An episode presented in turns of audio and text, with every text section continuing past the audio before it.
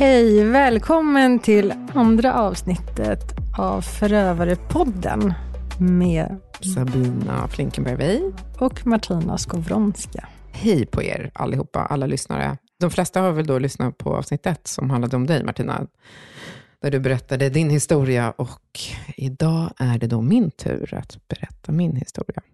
Ja, och jag är jättenyfiken på att höra mer. Jag har ju hört lite bitar här och där. Men nu vill jag höra Tutti från Tutti. början till Tutti slut. frutti, ja, du vill höra allt. Hur träffades ni? Jag ville träffa någon för en seriös eh, relation och eh, det var ju praktiskt taget omöjligt om jag inte ville ta första bästa på ICA. Eh, nu tog jag första bästa på nätet. men men vilket var jag dåligt val. Eh, nej, jag eh, var ju änka med två barn. Jag blev änka mitt i livet. Efter eh, en eh, lång relation med barnens pappa så blev han plötsligt sjuk och gick bort. Väldigt tragiskt. Ja, det, det var det verkligen. Det var en otroligt traumatisk tid eh, där jag eh, och barnen och hela, ja, våra familjer led oerhört mycket såklart. Och jag bara tänker så, efter en sån otroligt hemsk händelse, så vill man ju nästa partner som man släpper in i sitt liv, vill man då ska vara kärleksfull, förstående, stabil, trygg.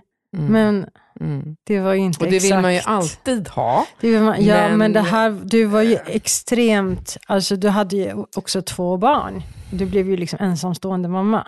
Mm. Ja, men precis. Och, och, och det var ju väldigt svårt då att, eh, när man har kanske varannan vecka och i en separation, så har man ändå en varannan vecka då, Mm. där man faktiskt skulle kunna göra saker på stan och, och gå på lite mm, AVs fester, middagar och så vidare, där det liksom finns möjlighet kanske att eh, träffa någon.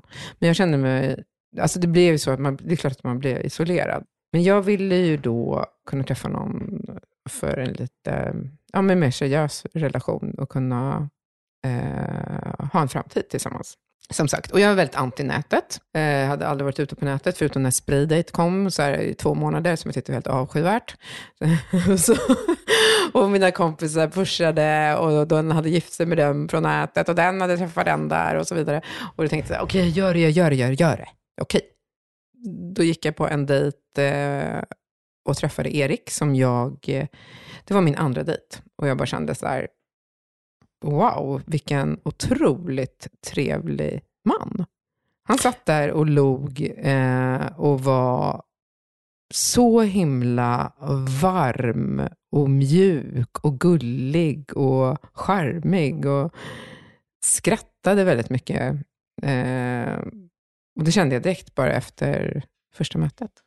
Det brukar bli så att de, eh, första dejten, att de vill göra ett bra intryck. Extremt bra. Det vill man kanske alltid eh, i dejtingvärlden. Men just psykopater och narcissister tar det här till en lite en annan nivå. De eh, gör ju extra bra, extremt bra intryck på sina så kallade offer.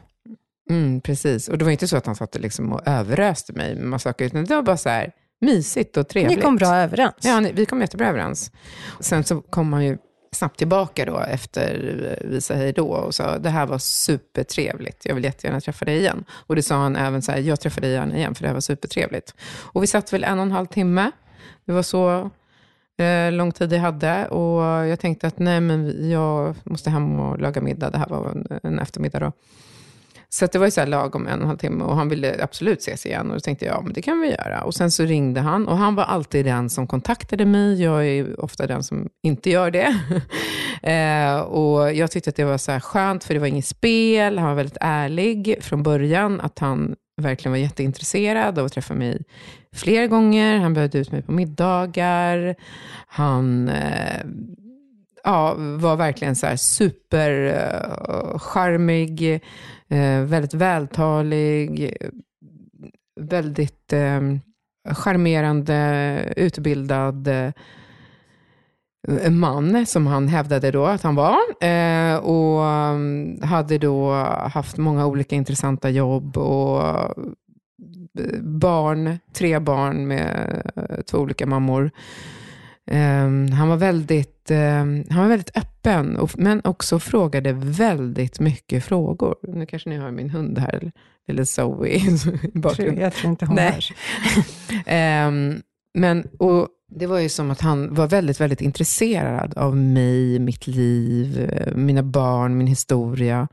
Så jag vet på eh, fjärde dejten så gick vi en långpromenad på två timmar. Och det så här, snöade och det var ganska dåligt väder. Och, men det struntade jag i. Jag hade typ en helt eh, opraktisk jacka. Men det var så här, vi var bara helt inne i varandra och vårt samtal. Och då berättade jag att eh, min historia, att uh, ja, min man hade då gått bort. Eh, jag var ju stupid enough och skrev enka på min profil, vilket kan locka till sig alla möjliga knashållare såklart. Men eh, eh, det visste han ju, men jag berättade lite kring det, liksom, hur tragiskt den hade gått bort och hur vi hade lidit. Liksom. Och vi fattade snabbt tycke för varandra. Det jag märkte var att han som, som sagt eh, lovebombade och ville att vi skulle liksom planera en, eh, ganska snabbt en framtid tillsammans. Vänta, och, sa han det på andra dejten då? Nej, absolut inte. Utan det kom senare. Liksom. Men det var ganska snabbt. Nu pratar jag så här första halvåret att han eh, liksom förklarade att han ville att vi skulle ja, men gå på middag, jag skulle träffa hans eh, familj och eh, boka upp en resa som jag tackade nej till då, tillsammans med andra människor som inte jag kände. Som han ville att vi skulle åka på. Och jag vet, minns att en kompis till mig sa, nej, alltså det går lite fort det här. Jag bara, ja, men det kanske gör det faktiskt när man blir kär okej. Okay. um, och det, det var, det. ju en röd flagga i sig. Det var, att det här går väldigt det fort. Det går snabbt, precis. Och det är det det alltså nästan alltid, alltid, alltid gör. Det går, det går ju väldigt snabbt. Det behöver inte gå snabbt i, i realityn, men de, men de säger saker. Eh, målar upp en bild av vad de vill göra med en och hur pass seriösa de är. Att de är väldigt tydliga med det, oftast. Men så det var han ju väldigt tydlig med att det var väldigt seriöst. Och han, var väldigt, han var fysiskt närvarande hela tiden. Um, kan, du, vänta, kan du ge lite exempel på hur han eh, kärleksbombarderade dig? Att han, med med han, ord eller med handlingar? Att han ringde, sa att han saknade mig på sms. Och eh, Han sa bara efter några veckor eh, att han älskade mig. Han sa, och då sa jag jaså, och han sa också att jag ska säga en sak till dig. Nu kanske det här låter jätteknäppt Sabina, men jag har faktiskt aldrig någonsin känt så här för någon. nu är det Martinas tur att skratta. Ja, herregud. Ja, jag, ja, det är exakt mm. de här orden mm. som jag också fick höra av Adam. Ja, och jag tror att det är många där ute som kommer känna igen sig i det här, har en så här stor igenkännlighetsfaktor just i det här, att jag aldrig känt så här förut. Mm. Och det gör alltså att de fångar upp en. De liksom skär ens hjärta på något sätt, för att man tror ju verkligen att man har en sån fin, vettig människa framför sig.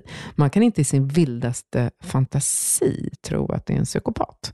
Så att det är alltså eh, några månader in på vår relation så, eh, så var det också en händelse att vi var på, hos kompisar. Jag har ganska stor vänskapskrets som han var väldigt nyfiken på och det är många som, som har det ganska bra eh, vilket han tyckte var väldigt lockande, vilket jag förstår, förstod sen efter ett tag, eh, att det var de han ville umgås med. Alltså som var ekonomiskt... Som har eh, ekonomiskt bättre än vad han mm. har.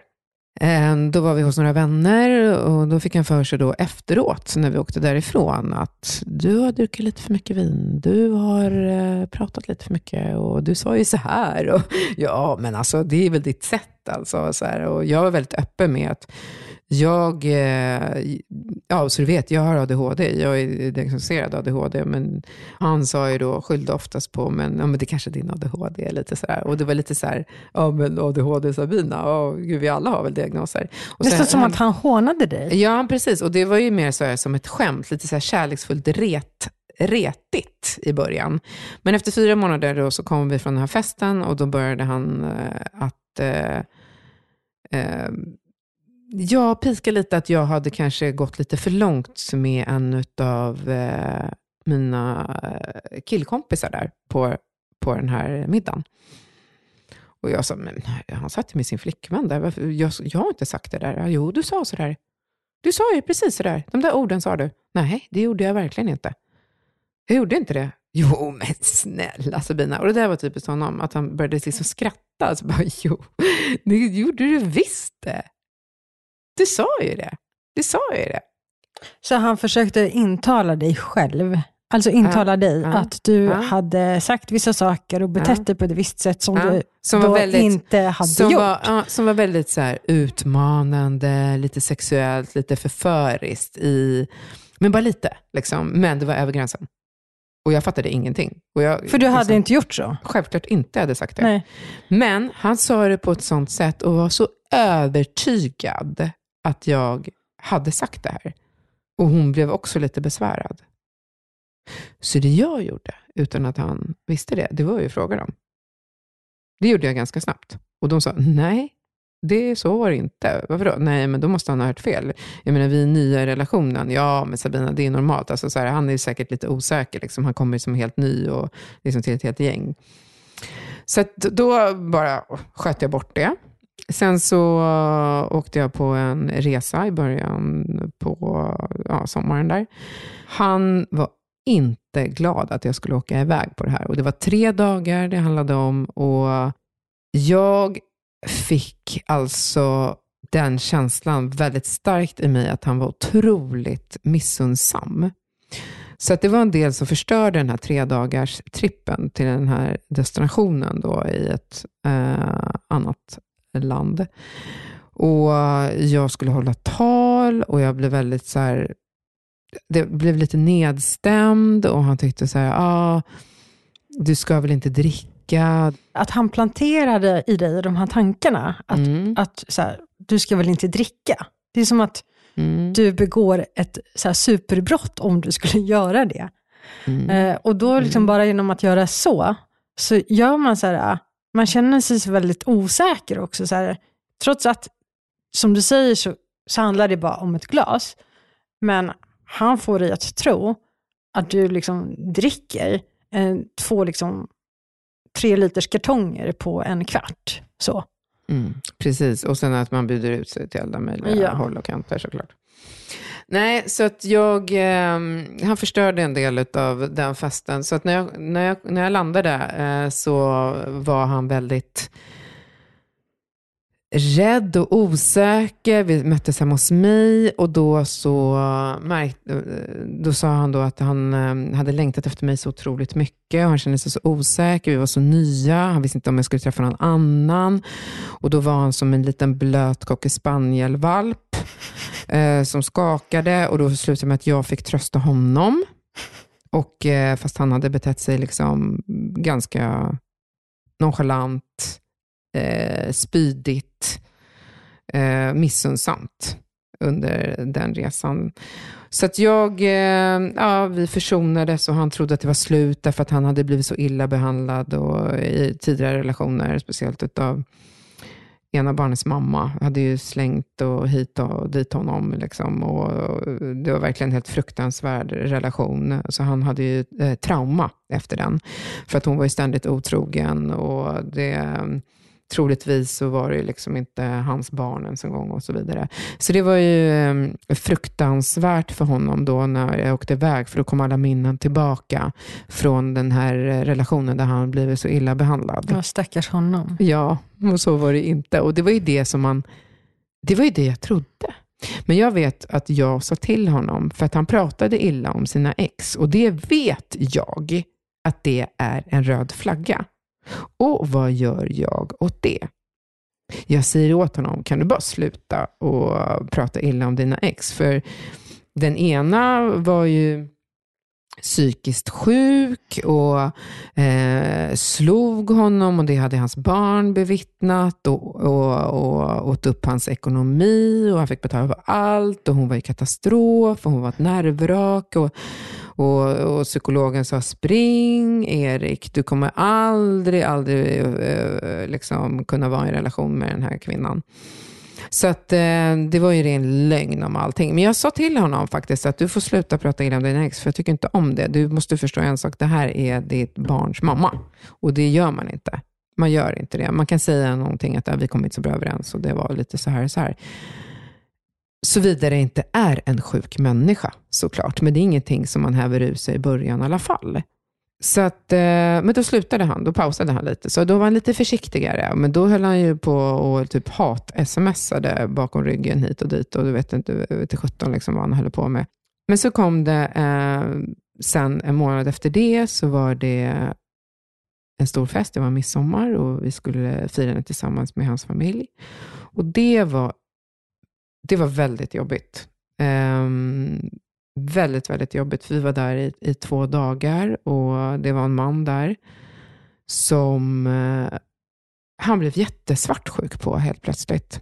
Och jag förstod ingenting, för vi hade ju bara stått och pratat med honom och skämtat med honom. Och sen är det en annan människa, då, en, en släkting till honom, som säger, ja men Eh, för vi skulle då sova på en båt och säger, nej men du, eh, du kanske ska upp och, du kommer inte kunna sova på båten, för jag hade aldrig sovit på en båt. Och det var liksom nästan storm och det var jättedåligt väder. Och, och då säger ja men eh, du kanske ska upp och lägga dig i något gästhus där. Eh, för han hade flera gästhus. Och så, ja men det kanske jag gör. Och skrattar lite. Men när vi kommer in på båten så får han ett vredesutbrott. Vad gjorde han då? Mina barn låg i, nu vet inte jag vad det heter, skuffen, tuffen eller vad det heter. Jag och båtar, nej det är inte min grej. Alltså på en del av båten, vad det nu heter. Ja, um, så att de hörde ingenting, det var liksom, och vi låg på den andra delen. Utan då, då säger han till mig att du, uh, du gick för långt. Och det liksom bara slår så här supersnabbt. Med den här äh, mannen som ja, var på festen? Ja, och jag hade inte ens eh, liksom, jag hade Men inte ens sagt det kopplade här. inte du att han gjorde ju samma sak på den här andra festen? På den här första festen ni var ihop? Där han anklagade dig för samma sak i princip, att du hade bjudit ut dig. Märkte du då inte att han gjorde samma sak Nej, för det var igen? helt olika situationer. Och, och han verkade inte svartsjuk överhuvudtaget i stunden. Utan han skrattade med. Eh, en person som är svartsjuk kanske man märker direkt, så här, okej, han gillar inte det, utan han var ju supercharmig och supertrevlig. Och sen så bara var det liksom lite så här, men du, jag tänkte liksom att du, eh, det här du sa, det kanske inte var okej. Det var så han sa liksom första gången. Utan det var inget bråk eller någonting. Utan det här fick han ett... Han, han flippade liksom när vi kom in där i, i båten och säger att du gick för långt, du, du skulle... Liksom, Så han höll masken under tiden? Hela tiden, men gjorde han alltid. För att de också De eh, ska säkerställa att det inte finns några vittnen till deras dåliga beteende. Mm, deras psykiska misshandel och deras liksom, gaslighting. För han var ju helt övertygad om att jag hade sagt det här. Och det är också så här, inbillningssjuk. Totalt inbillningssjuk. Och, och där var det, det där jag tror jag höll på i, liksom då och då, kom upp i uh, hela, hela tiden av vår relation, den här händelsen. För jag upprepade mig hela tiden. Jag stod fast vid att jag har inte sagt det där. Det var den här personen som sa det och jag nickade och höll med. Ja, kanske det. Och då började man gå in i ett försvarstal, liksom, att eh, behöva förklara sig. Men han drog. Och vilket blev senare, som jag förstod, var hans mönster. Att han alltid drog iväg. För att skapa en osäkerhet och se hur jag skulle reagera. Och när han märkte att det där funkade, för han kom ju tillbaka för att be om ursäkt, då, så var det liksom... Det var också skönt att man kunde reda ut det här. Och gud vad skönt. Jaha, så han, var lite, han, var, han blev lite eh, osäker. Han hade, skyllde på att han hade druckit, att han var full. Eh, och så vidare och så vidare. Men jag tänkte så okej, okay, det är fine. Och det är där, man, det, var, det är en stor röd flagga. Liksom. Men de är ju sådana otroliga experter på att eh, hävda sin oskuld i det här. Att det Ja, finns ja. ingenting som de har gjort fel. Ja, exakt. De har ju noll självinsikt. Utan Mm. de klandrar ju allt och alla runt omkring. Mm. Men de själva är alltid, alltid felfria. Allt är felfria. Och det här vände sig ju sen. Så även fast han bad om ursäkt så, så kom ju det där upp. Och då bara, nej du Sabina. Med det här hånskrattet. Ja, fast du, det var ju, du sa ju sådär. Jag vet ju det. Du, du, liksom, du bjuda ut dig där liksom, till gästhuset. Eh, vad sa du? Och det blir en sån otrolig frustration, en sån förtvivlan av att man ska liksom gå in i något försvarstal, vilket är typ det värsta man kan göra. För att det är bara, liksom, det är dödfött. För det har ingen effekt Det har ingen ändå. effekt som på en normal Nej, människa. Liksom. nej. Men sen så fortsatte vi då i relationen och han var väldigt fin och ställde upp och skjutsade min son till fotboll. Han var engagerad här och där. Och... Men så kom det ju så här små pikar då, liksom att eh, om jag då, eh, så länge jag inte sa någonting överhuvudtaget och bara gjorde som han sa, till en början i alla fall. Sen spelar det ingen roll vad man gör, för det, det har ingen betydelse, eh, för de ska hitta fel i allt. Men till en början så var det så här, men vet du, det skulle vara jättebra, för att vi eh, flyttade ihop också. Han flyttade in till mig, till mitt hus. Eh, han hyrde ut sin lägenhet i, eh, i, under, under en period, under ett år. Ehm, och Och vänta, hur, hur långt in i relationen är det här? det är ungefär 10-11 månader. Okej. Och då blev det liksom som att så fort han hade flyttat in. Men då skrev han så, in sig här? Mm. Så då blev ni sambos Ja, vi blev, officiellt? ja, precis. Vi blev sambos. Ehm, och han eh, gjorde väldigt mycket till en början. Han visade sina bästa sidor. Jag hade ett stort hus med liksom, ja, ganska mycket att göra här. Eh, och han ville absolut hjälpa till. Det var, det liksom, I början var det så här, nej, nej, Erik, snälla, alltså, sätt dig ner. Du behöver inte göra allt det här. Jo då, jo då, jo då. Och, och speciellt när det var andra människor som var audience. Liksom, då var det verkligen så här, oh! Eh, Han ville visa upp. ville visa upp. Och han ville visa upp det här för sina släkt och sina, eh, sin lilla, lilla eh, supermini vänskapskrets liksom, som han hade då. Och det kändes som de vännerna som han plockade fram där, de kände egentligen inte honom alls. Så det var väldigt så här, annorlunda liksom, att umgås med, med dem. Och det blev väldigt konstigt för att han tjatade då att träffa mina vänner och så fort vi hade gjort det, nej, men då skulle det skulle vara rättvist för då skulle hans vänner också komma hit. Och han ville verkligen visa upp huset, han ville verkligen visa min nya bil för folk och du vet så här, verkligen eh, ha med mig överallt vid hans sida. Och om jag inte kunde eller inte liksom kände för att oh, varför ska jag med på någon företagsfest jag inte ens känner? Alltså, du vet, nej, då blev han ju sur. Liksom. Då, nej, men jag, alla andra har med sina och jag vill också ha med dig. Och han skulle verkligen så här, ha med mig överallt. Men det jag kände då efter ett tag eh, när vi hade bott tillsammans, det var ju verkligen att han hjälpte inte till lika mycket. Han eh, blev, eh, från att vara otroligt generös, med blommor, med smicker, med kärlek, med ja, hela den här lovebombing-fasen.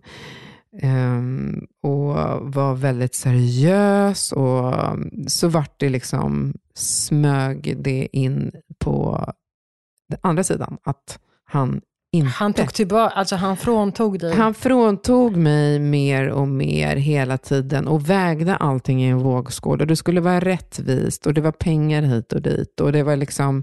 Det där är också så här ganska typiskt, att de ger Mm. lite, eller ger sken av att ge lite. Till en början. Till en början. Mm, mm, mm. Och sen så vill de ha dubbelt så mycket tillbaka. Japp, precis. Så det är hela tiden den här, För- två ja. steg fram och ett steg bak. Hela alltså så tiden. här hela tiden. Eller till och med ett steg fram, ett steg bak. Så här. Ja, Fram och tillbaka, fram och tillbaka. De ger pyttelite och så förväntar de sig dubbelt så mycket dubbelt tillbaka. så mycket tillbaka. Precis. Så det var ju liksom hela tiden en kamp att försöka få honom att förstå att men om du, du tar hit alla dina barn på en jättestor middag och jag handlar mat, köper presenter, dukar och lagar all mat och fixar allting. Och sen du reser från bordet och går omkring och minglar med dem och sen skjutsar hem dem och tänker att nu är det klart. Och jag har ju då valt att inte röra någonting i köket för att jag är helt slut. Ehm, för att du har lovat att verkligen hjälpa till vid de här middagarna. Så blev han skitförbannad, för då var det så synd om honom. Och då, är det, då är det liksom, står det bara offer i huvudet, Mm. liksom i pannan. Så här. Det, och då skulle han lägga skuld på mig. Att det var inte så lätt att leva med mig och det var liksom så himla jobbigt. Du har så många krav. Och jag har så mycket krav. Och, precis, och det var ju så himla jobbigt och jag har ingen empati för honom. Och det var liksom hela, jag drog upp hela liksom, registret. Och jag hade inte en chans att ens utan han blockade mig, vad jag än sa. Äh, men jag, jag, äh, det, äh, mm. det, det, var liksom, det var kört. Och sen så kan det sluta med ett utbrott där han drar. Och det slog sönder mig inombords varje gång som han skulle då avsluta relationen Ja, abrupt. det var det jag tänkte, precis tänkte fråga dig, om han hotade med att avsluta relationen. Han gjorde inte det till en början såklart, för då Nej. var det lovebombing-fasen. Men det var hans absoluta favoritgrej, för det var det han gjorde hela tiden sen. Hela tiden. Och till slut så var det ju så att liksom han gjorde det typ eh, ja, men varje vecka. Och varannan dag liksom, på slutet. Så det var ju det hela tiden som var ett underliggande hot och ett hot Mm. under hela relationen. För att han vet ju att jag har då i min uppväxt till exempel, eh, så, så åkte min pappa iväg till Namibia när jag var liten och kom aldrig tillbaka. Eh, och min mamma var inte eh, närvarande. Och, så att jag har varit väldigt ensam i min uppväxt och inte haft den här liksom, eh, tryggheten ehm, och blivit liksom sedd och hörd och lyssnad på och älskad. Liksom. Så att jag har eh, klarat mig själv väldigt mycket och sen så går då min man bort. Så att det kom ju fram såklart i vår relation, att jag berättade det här. Och det gör ju att han lyssnade väldigt intensivt, väldigt, väldigt intresserad. Inte som någon annan man, utan så här, ja gud och gud och stackars och liksom kramar den eller något utan väldigt, väldigt intensivt. Och frågade mycket frågor. Och det var som att hans hjärna registrerade varje ord jag sa, för att lägga de här orden som jag sa i ett fack, för att sen kunna plocka fram dem i den mest fruktansvärda, ömtåligaste, jävligaste situationen där du är som ett öppet sår. Och det är då som han högg. Gång på gång på gång. Ja, och fruktansvärt eh, hemskt att råka ut för det här, för jag känner så väl igen det här. Eh, exakt det här som du beskriver. Att man öppnar upp sig i förtroende, berättar saker som man har varit med om, som är svåra saker oftast. Och sen förväntar man sig någon slags empati, förståelse. Men man förstår inte att de här människorna sparar den här informationen, lagrar det i sin hjärna Ja. Mm. och sen vid rätt ögonblick, vid rätt tillfälle eh, använder det mot dig. Precis. Och det var Det är så det. fruktansvärt manipulativt och det är så vidrigt. Så jag vet inte ens vad jag ska vägen. Jag, Adam gjorde ju exakt samma sak. Mm. Jag berättade ju för honom vissa saker i mitt liv. Jag berättade för honom hur han får mig att känna när han gör vissa saker. Och då vid rätt tillfälle, i en, i liksom, för att han ska få makten över mig, så använder han just de här bitarna. Mm. Eh, och man, man, blir helt, man blir helt förstörd, man blir så förkrossad. Den blir helt matt. Blir helt, ja, blir helt, inte matt, utan man blir så utpumpad. Liksom. Och, och jag är ju van då i mitt, i mitt mönster att jaga kärlek. För jag fick ingen kärlek, utan jaga kärlek. Så för mig så var det en, i den här relationen då så var det, man blir trygg i det otrygga som är så otroligt destruktivt. Men jag, eh, och det är väl det som gör att man fortsätter att kämpa. Sen vet ju jag att vem som helst kan råka ut för en psykopat, narcissist, sociopat. Det kan ju vem som helst göra. Men just att, och sen så kan man råka skaffa barn med dem, vilket är ett helvete och jag tycker så synd, verkligen, om er alla där ute som har barn med dem. Och de som har barn, alltså det, det är också deras syften att Mm. skaffa barn med dig väldigt, väldigt snabbt. För att du ska Fånga. precis Fånga. bli, alltså fånga in dig för Mm. alltid. Mm. Du blir ju Och där. det var det, precis, och det var det Erik ville. Han ville fånga in mig, för han ville bli delägare på mitt hus. Han ville ha tillgång till mina konton. Han ville ha koder eh, och hjälpa mig att betala mina räkningar. Eh, för att det värsta de vet, det är ju att bli övergivna. De är så otroligt rädda små människor inombords. Men de framstår ju som de här grandiosa, uppumpade liksom, ehm, eh, människorna för dig i alla fall. Och sen så utåt sett kan de vara covert narcissists. Alltså de är dolda narcissister och psykopater som är otroligt charmiga och, och väldigt lugna och säkra i sig själva, trygga.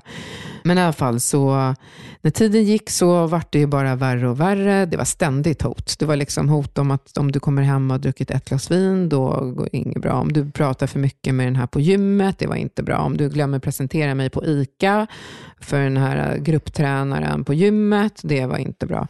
Alltså det var väldigt så här... Du fick regler för hur du skulle liksom vara och bete precis. dig. Ja, ja, absolut. Absolut, hela tiden. Och det, och, och, och, och, det blir också, det eskalerar. Det händer så mycket dramatik som då han skyllde på mig. Att det är jag som skapar drama, det är jag som är omöjlig att leva med, det är jag som inte, det går inte att kompromissa med mig, det går inte riktigt att leva med mig.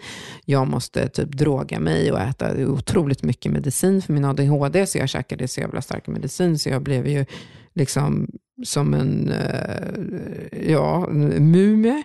Och bara gick omkring så här, och mina kompisar bara, alltså vad håller du på med? Nej men det, det var ju så att han ville att jag skulle eh, äta sådär i hög dos, för då var ju jag jättekonstig. Liksom. Jag blev ju bara Då är det tyst. lättare att kontrollera kanske Jag blev med. tyst, jag blev, depri- jag blev deprimerad för det gick liksom överstyr. Och, sådär, och jag åt den här tunga medicinen i tre månader för att han tyckte då att det var mycket bättre att jag åt mycket, mycket högre doser. Men sen så kom jag ju på att han stal min sons ADHD-medicin och det ifrågasatte jag och då lullade han över det för att då skyllde han ju på att han kanske hade autism då, då och, och det var ju liksom, och jag sa du får inte stjäla hans medicin, är du helt galen? För jag kom ju på att han gjorde det och då liksom, ah nej men jag vill ha jag vill ha det här och jag känner mig lugnare, jag blir bättre av det, jag blir bättre, jag känner mig faktiskt att jag blir bättre och lugnare. Jag tänkte, jaha, okej, ja, men då, liksom, då får du väl gå och göra en utredning då. Nej, men det skulle han ju inte göra. Liksom. Och sen så skyllde han ju på då att han, eh, den här medicinen var ju inte alls bra. Han hade läst att man kan bli aggressiv. När han fick sina utbrott så skyllde han ju på medicinen. Så han stal medicin ibland, så jag var ju tvungen att gömma min sons medicin. Det här är också helt sjukt. Ja, det är helt sjukt. Där blamear jag mig själv för att mina barn, vad de fick vittna och vad de fick vara med om. Eh, och det har ju liksom gråtit ihjäl mig i floder och liksom fått gå i terapi för vad jag har utsatt mina barn för. Så att det där är egentligen ingen, ingen stor grej i det, i det hela, men det var, kändes väldigt obehagligt. Otroligt obehagligt. Och hur han kunde liksom ändra personlighet beroende på vilka personer som var framför honom. I min, liksom, iklädd i min mans eh, kläder och Åh, ändra fy åsikter. Och, och sen så fick man inte tillgång, eh, när jag bad då, men får jag se din ekonomi och liksom, eh, får jag se din telefon och din dator? Så jag började liksom stänga igen då, byta kod på min ekonomi, alltså mina koder till bank och liksom stänga min iPad som man kollade varje dag. Och, för jag kom ju på det här, liksom, stänga min telefon och Eh, och så vidare. Och han hade sett liksom på, på sociala medier, gav ett hjärta till en jättenära gaykompis till mig. Då var ju det helt eh, fruktansvärt, för då började han ifrågasätta, är han verkligen gay? Vilka är det på jobbet? Och ska du verkligen gå på AV? Och vilka är de här manliga kollegorna som du har addat på jobbet. Och så var det varje gång, fredagsutbrott. Och när det liksom gick så långt så jag bara, nej men nu vill inte jag följa med på det här barnkalaset så vi ska gå på din sida av släkten. Nej, då var jag fruktansvärd. För då skulle inte jag med. Vad skulle alla människor tänka? Så han la skulden på dig? Alla skulden på mig. Så jag var tvungen att gå på det här barnkalaset, fast mitt huvud bultade och jag hade gråtit floder i, i liksom, eh, fyra timmar. Och fått så mycket skäll och så mycket eh, idiotiska, fruktansvärda, förnedrande liksom, eh, kommentarer. Så gick jag ändå dit och försökte le och när jag var lite, jag var liksom väldigt, väldigt nere och försökte spela så Så sa jag, ja, jag och Erika bråkade lite till någon släkting. Ja, jag har hört det, jag har hört det. Ja, då har jag berättat sin story, såklart. Hur fruktansvärt jobbig jag är att leva med. Så det var men en om ständig du var, kamp. Men om du var så himla fruktansvärd, om, du, om Mm, han inte mm. kunde stå ut med dig, varför, varför var han kvar då? Exakt, och det var ju det som var grejen, för han ville ju lämna mig hela tiden, men jag ville inte det. Nej, just det. Du var Mm. den här Jag var den här psyk- psykopatiska ja. som satte naglarna i i honom, honom och, och kunde inte in honom. acceptera att han ville lämna dig. Ja, men precis. Det var ju så det var. Och, eh, ja, jag stängde dörren. För att han gapade och jag ville inte att mina barn på en annan våning skulle höra det. Men då vände han på det till att jag låser in honom. Observera. Dubbelt så lång, dubbelt så stor. dubbelt så tung. Och jag står och låser in honom. Ja, det gjorde jag. Mm-mm. Jag är Lida, om ni vet om det är. låser fast honom. Mm. Ja, herregud. Ja, men det var så det var. Och det var mycket gråt, det var mycket, till en början liksom förståelse, krama, till totalt iskall. Totalt bara vända sig om, gå och lägga sig före. Och jag vet att jag eh, ville göra allt för att lösa det här. Jag hade tagit in den här personen i mitt liv, eh, till mina, eh, i mina barns liv och ville verkligen ordna upp det här, för att jag la också skuld på mig själv. För att det var så himla, han var så otroligt övertygad om att han var inte svartsjuk. Han var en väldigt vettig man som inte hade haft problem förut i tidigare relationer, utan han var problemfri helt enkelt. Han kanske var lite upp och ner och lite tjurig ibland, men han är ju väldigt enkel att leva med. Men du däremot Sabina, du är ju, alltså du har inte jättemycket empati. Och jag menar, du är ju ganska lik din mamma då, som eh, inte har gett mig eh, stöttning, kärlek, utan snarare försökt att verkligen bryta ner mig när jag har varit som svagast. Och det är, en, det är ett helt avsnitt där.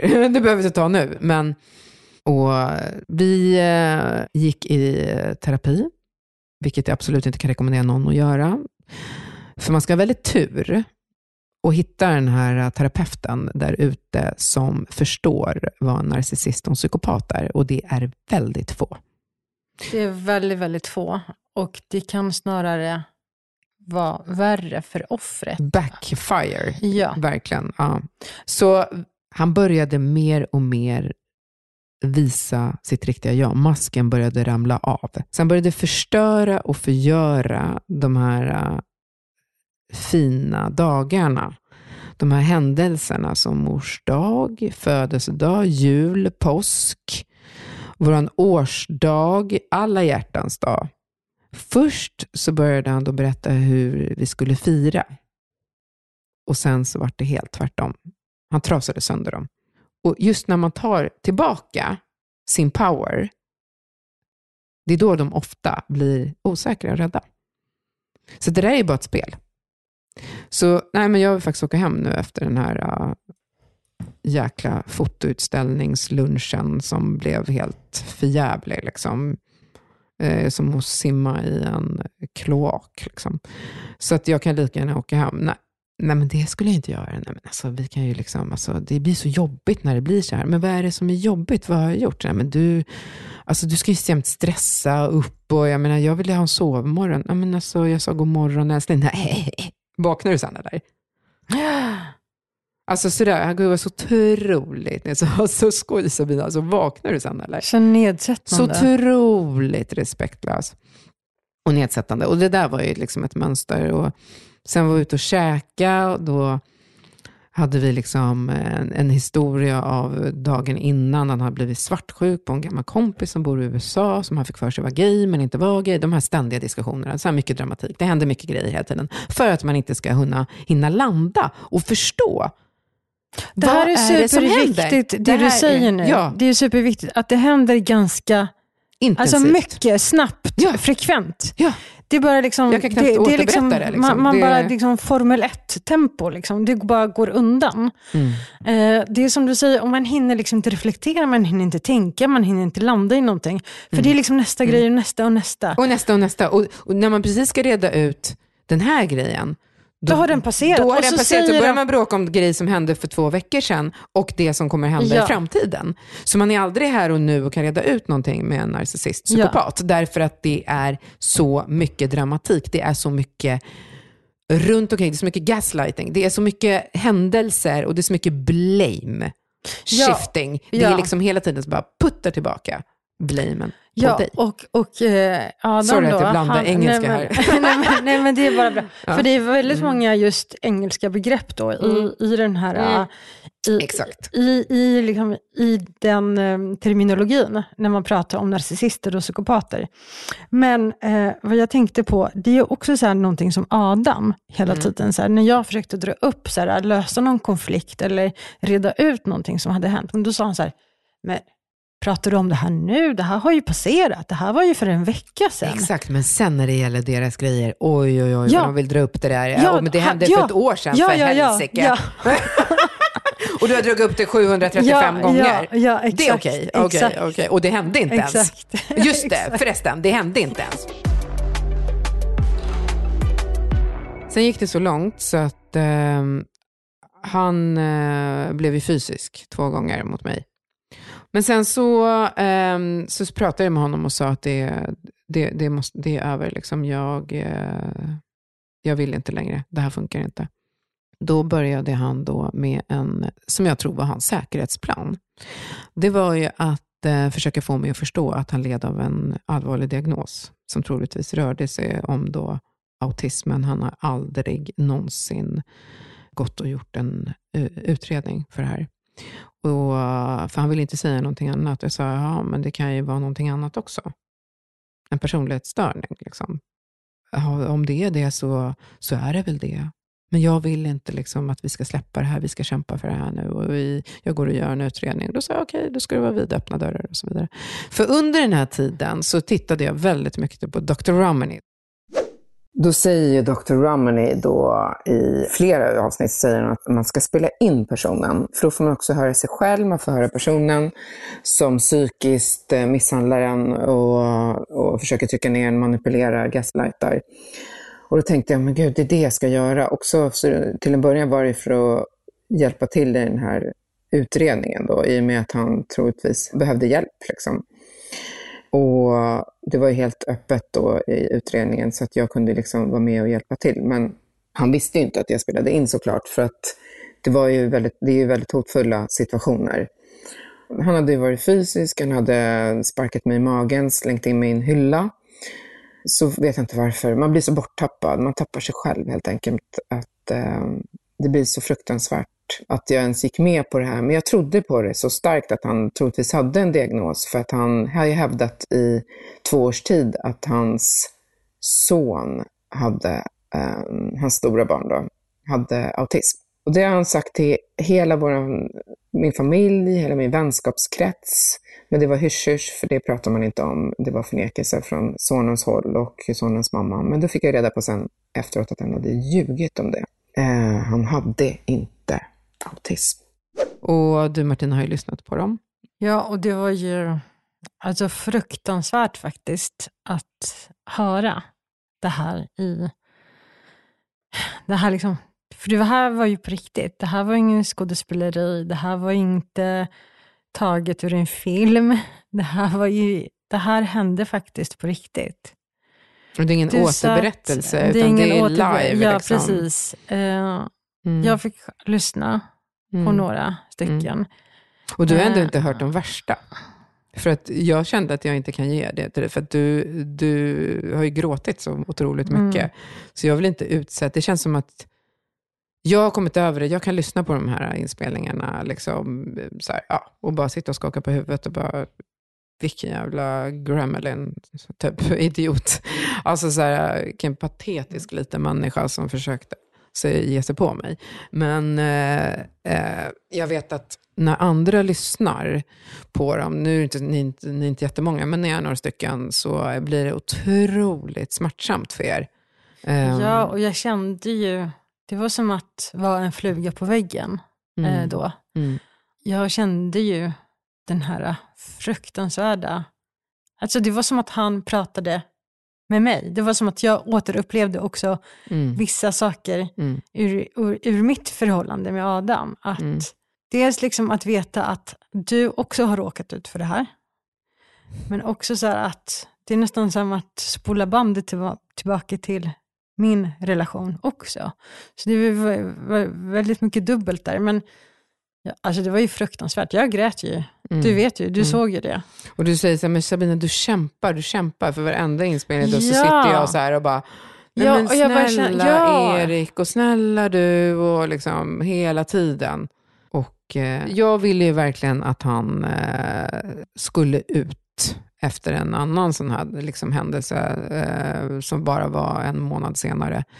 Så var det mors dag och det skulle man absolut inte fira utan ja, jag behöver inte gå in på detaljer där heller, för att det kommer också ta lite lång tid. Men det var att han verkligen ville eh, krossa den dagen och eh, minimera min betydelse för mina barn.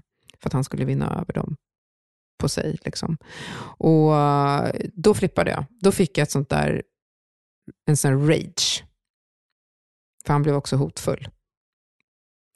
Eh, där han för det första kommer in i sovrummet och eh, jag är väldigt ledsen över att eh, han har varit väldigt, väldigt, väldigt elak hela dagen. Väldigt kall. Skulle absolut fira hans mamma. Jag skulle sitta och hålla i den största buketten jag har sett. Hela vägen till hans mamma och fira henne. Och var väldigt kärleksfull mot henne. Men han firar inte mors dag. Och jag skulle minst laga min egen mors middag och samtidigt så firade vi eh, ett av hans barns födelsedag. Och det, skulle, det fick jag också fixa för att somna i solstolen vid poolen. Då då. Det är som att han uppmärksammar Ja. andra. Mm. För att det ska se bra ut utåt sett, Ja. men krossa mig. Precis, och ser till att du ser att han uppmärksammar Ja. andra. Precis. Och att du ska känna Ja. dig mindre värd. Precis, exakt så. Så att, då blir jag ledsen. För att han kommer in när middagen redan är klar, när jag har fixat allting. Då blir jag ledsen och går in i sovrummet och sitter han där och så börjar han. Skojar du med mig eller? Ska du sitta och vara lite ledsen? Ska du vara lite ledsen Sabina? Mm, vi har inte fått några blommor idag. Och jag bara fortsätter att gråta. Och han är så fruktansvärt elak. Så eh, jag fortsätter att gråta och han fortsätter med sin totala förnedring och, sitt hånande sätt. Eh, och säger att han ska också förstöra mina barns middag eh, när de fyller år, för att nu har jag förstört den här middagen. Och jag säger att det har jag verkligen inte gjort. Jag hade önskat att du hade hjälpt mig, åtminstone maten, och kanske så här, nu ska vi kanske skåla. Om du inte vill ge mig blommor så kanske vi kan skåla på mors dag i alla fall. och då ska jag, varför skulle jag göra det? Jag firar inte mors dag. Ja, så att han försökte verkligen förgöra mig där. Och um, det slutar med att jag går ut i köket och eh, när jag kommer ut i köket så hoppar han fram. Eh, och har stått bakom, gömd. Och gör liksom fuck you med fingret rakt i mitt ansikte. Väldigt hotfullt och väldigt, väldigt snabbt. Oj. Ja, han skrämmer mig enormt mycket. Så han liksom hoppar fram framför, alltså han står bakom kylen och frysen. När jag har torkat mina tårar och bara känner så här, "Fy fan, alltså jag orkar inte, vad är det här? Vad är det här? Vad är det här? Vad är det här? Och jag är så himla ledsen, jag är upprörd, jag är frustrerad och kommer ut i köket och ska ta mat och gå ut och sätta mig med, eh, tillsammans våra tre barn. Och då kommer han farandes från ingenstans och gör liksom fuck you i hela ansiktet och ser så himla förbannad ut. Och sen flinar och går och tar maten. Och då tar jag sleven från honom och säger, du ska inte ha någon mat. Du ska inte röra maten. Och då säger han, vad håller du på med? Så här högt då, för att de ska höra. Men vad gör du Sabina? Du ska inte äta mat, du ska åka härifrån. Och det är sista gången som du försöker göra mig illa på något sätt. Du ska ut härifrån. Och det har jag också spelat in. För att ja, man har ju telefonen på sig hela tiden, eh, speciellt när man, man bor i hus, för man kan inte, ja, den ligger ju överallt annars. Liksom. Så man har den på sig. Så att jag vande mig vid, liksom, nu sätter jag på och så lägger jag den där när jag kommer ut. Jag sätter på. Och anledningen var för att först hjälpa honom, men sen var det för fasiken för att jag själv skulle använda de här inspelningarna för att aldrig mer gå tillbaka till psykopaten. aldrig mer hamna i armarna på honom igen. Det här är så himla bra tips. Att Ja. spela Och det är så enkelt. Röstmemo, pang, bom, tju, kör. Ja, för att Ja. man kan lyssna. Då har man verkligen svart på vitt Ja. vad det här är. Ja, Så att man inte behöver undra om det här skedde på riktigt. Utan man har faktiskt, man kan gå tillbaka och spela upp det och lyssna på de här Mm. galna diskussionerna. För det, det, liksom, det är den här galenskapen som sker. det är så mycket galet. Det är så mycket sjukt. Men i alla fall, så då kastade jag ut honom ehm, och då, då gapade jag och skriker verkligen. Alltså, du ska ut härifrån, du är sjuk i hela huvudet. Och han, eh, han körde hem sitt barn, eh, sitt stora barn då, då och liksom, det var, och då, då hyrde han en lägenhet. Och Men han så här- flyttade ut då? Han fly, ja, han fick flytta ut. ut. så han Men då packade... var han väldigt, ja, ja, ja, gud, jag packade. Det var liksom så här, och då sa jag väldigt tydligt, för han hyrde någon eh, släktingslägenhet, och då sa jag väldigt, väldigt tydligt, så sa jag till honom, att jag vill att du ska bo där hela sommaren, eh, och, och sen får vi se. För att han var väldigt tydlig med mig, att du får absolut inte ta slut. Jag vill att vi ger det här en chans. Jag ska göra färdigt den här utredningen och så vidare. Och så vidare. Och det här, det är ju eh, liksom autism och det är allt möjligt. Och då hade de redan sagt att det är absolut inte det det rör sig utan det rör sig om en disorder. Eh, och då var det verkligen så här, men du ska, du ska ut och sen så skulle vi ses en dag i veckan och det blev två dagar i veckan, det blev tre dagar i veckan. Så helt plötsligt skulle han bara vara borta liksom två månader och han hade redan sagt till den här släktingen att nej men jag ska bara bo där. Och, då, och så vart det liksom tjafs om det, så att du måste bo där längre och så vidare. Eh, men det vart ju, under hela den här sommaren så var det en sån love bombing från honom. Att det var liksom, eh, det var så här, vi gör om mors dag, vi gör om din födelsedag, vi gör om alla dagar. Och han skulle liksom Han skulle eh, gott, bättra sig. bättra sig och gottgöra och det var allt möjligt. Så här, och det spelade ingen roll för mig, för att droppen var ju liksom på en middag där under sommaren, där han bara bytte personlighet och blev sjukt obehaglig. Väldigt, väldigt obehaglig. Så då sa jag ju bara att det är totalt över, vilket han inte förstod. Så att han hade släppt den där lägenheten som han hyrde. Han skulle absolut komma tillbaka. Jag hade mina släktingar här, min syster och hennes familj. Och de sa, men klart att han inte kommer. Han kom. Vägrade flytta på sig för han skulle in, för det var också hans hus. Så det, men han fick ju liksom packa sina, eller jag fick ju, jag packade hans saker. Och det var, det var verkligen så här, in, inget mer, inget mer överhuvudtaget. Så att det var mycket sånt och under den här sommaren också så kontaktade jag också eh, fem av hans ex och jag fick ju höra den sanna historien varför de hade brutit upp och det var ju eh, på grund av honom. Eh, såklart att han hade varit fysisk och psykisk. Han hade varit fysisk mot de andra också. Ja, han, han hade ju varit eh, fysisk mot vissa. Vissa hade han, eh, det var en kvinna som han inte ens hade varit tillsammans med, som han hade ljugit om, som var extremt framgångsrik. Och han trodde väl aldrig i sitt liv, för hon är ganska känd, att jag kunde få tag på henne. Men det kunde jag. Eh, De och- underskattar oss. jag underskattar enormt, enormt. Eh, för jag fick ju tillbaka min power och det var därför jag ville också att vi skulle ha en rejäl break. Liksom. Att han fick flytta ut så att jag kunde återta min power. Att jag kunde ta tillbaka all min kraft som jag visste jag hade där inne, som jag inte ens hade orkat, för att man blir så traumatiserad över allting som händer. Energin bara försvinner rakt ut i intet. Den liksom, ma- man, man förstår inte var befinner jag mig, som jag redan har förklarat då tydligt. Men, och Nej, då, men man har ingen energi. Man, Det är, finns- det man finns är bara inte. ett vrak. Så jag började liksom meditera, jag började liksom bara gå in i mig själv, jag och barnen, hittade tillbaka till liksom våran eh, kärnfamilj, där han inte tillhörde, ville inte tillhöra och inte förtjänade att tillhöra. Eh, så att det var ju väldigt, eh, det blev väldigt, väldigt tydligt för mig också när jag pratade med dem. Så det var också, också ett bra tips att jag, jag rekommenderar. För att jag, det var två av dem som inte ville prata med mig först, men sen så kontaktade de mig dagen efter, eller bara någon timme efter, och sa, nej men jag kan berätta allting. Och det var ju som en chock för mig. För allting han hade sagt om dem var helt tvärtom. Det var helt tvärtom hur det hade gått till i de här relationerna.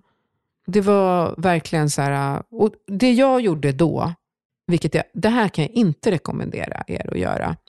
Jag blev så fly förbannad och eh, väcktes till liv. Jag återtog min kraft. All energi sög jag tillbaka till mig. Eh, jag blev en liksom protector av min familj och han skulle ut ur våra liv för gott. Så jag strippade honom rakt av. För hans familj, alltså för hans två systrar. Jag berättade, eh, de eh, ville inte svara. De backade ju undan totalt, alltså gick under jorden. Jag mejlade dem väldigt öppet. Jag berättade för honom väldigt öppet, jag har pratat med dina ex, jag berättade eh, vad jag visste, jag sa till honom att han var en psykopat. Eh, jag var väldigt, väldigt tydlig liksom, med att eh, kommer du störa mig så kommer jag göra en polisanmälan och då kan man undra kanske som lyssnare, varför gjorde du inte det när han var fysisk och psykisk och allting? Ja, därför att jag inte ville ha med honom att göra med. Jag vill inte sitta, jag vill inte vara, ha någon bindning till honom. Plus att jag vet att mina barn skulle få vittna. Och jag vet att de absolut inte ville befinna sig i en rättegång med, mot en psykopat. Så att mm, jag gjorde ju så att jag, när, jag blev, när jag blev så, då blev ju han som ett litet barn och väldigt rädd. Eh, vilket han fortfarande är idag säkert för mig. För att han vet att jag har den kraften i mig, att jag skulle inte dra mig för att göra liksom en anmälan och, och filma, fota, spela in röstveb. Och jag har så mycket folk runt omkring mig som, som också kan vittna till hur han har liksom försökt förgöra mig. Eh, och Det han gjorde då, det var att ringa runt till alla mina vänner och min familj totalt terrorisera dem med meddelanden efter meddelanden, efter samtal, efter eh, ja, sms och vända på alla historier. Att jag var ju inte klok och det var ju liksom, jag hade låst in honom, satt naglarna i honom och det var jag som var fysisk om det. Han har aldrig rört mig, han har alltid varit väldigt snäll mot mig, han har aldrig sagt någonting illa och aldrig höjt rösten. Men då har jag ju två ganska stora barn som kan vittna till allting. Liksom, och, men det spelar ingen roll. Så han försökte liksom vända på situationen hela tiden. Och mm, Det spelade ingen roll uh, för mig. Jag bara kastade ut honom ur mitt liv. Och jag gjorde det väldigt tydligt, väldigt stort. Och liksom, um, det är ingenting jag kan rekommendera, för det kan ju vara extremt farligt med, med vissa personer. Men uh, men det funkade på honom? Det funkade väldigt bra på honom och det funkar än idag. Så att det... Och han har inte velat, han har inte jo, kontaktat han, dig? Jo, det gjorde han ju till en början och försökte hovra in mig på sitt sätt. Eh, och det lyckades han ju inte med, om jag säger så. Vilken tur. Ja, verkligen. Så att han, eh, det är faktiskt min historia. Nu börjar jag bli helt hes. Vi ska också lägga till här att Erik heter inte Erik på riktigt och Adam heter inte Adam på riktigt. Och jag heter inte Sabina. Nej, jag skojar. ja, jag heter Sabina. Precis. Eh, Nej, det gör de inte. Men vi heter Martina och Sabina. Ja, det, det gör vi. That's the truth. That's the truth. Vi står okay. bakom vår ja. historia. Tack för att ni lyssnade och jag hoppas att ni lyssnar på nästa avsnitt, för då har vi med oss en riktigt, riktigt vass gäst som pratar om narcissister och psykopater. Så det blir ja. riktigt, riktigt intressant. Verkligen, ni får hålla i er. Okej, okay? ha det bra. Hej. Ha det bra, hej hej!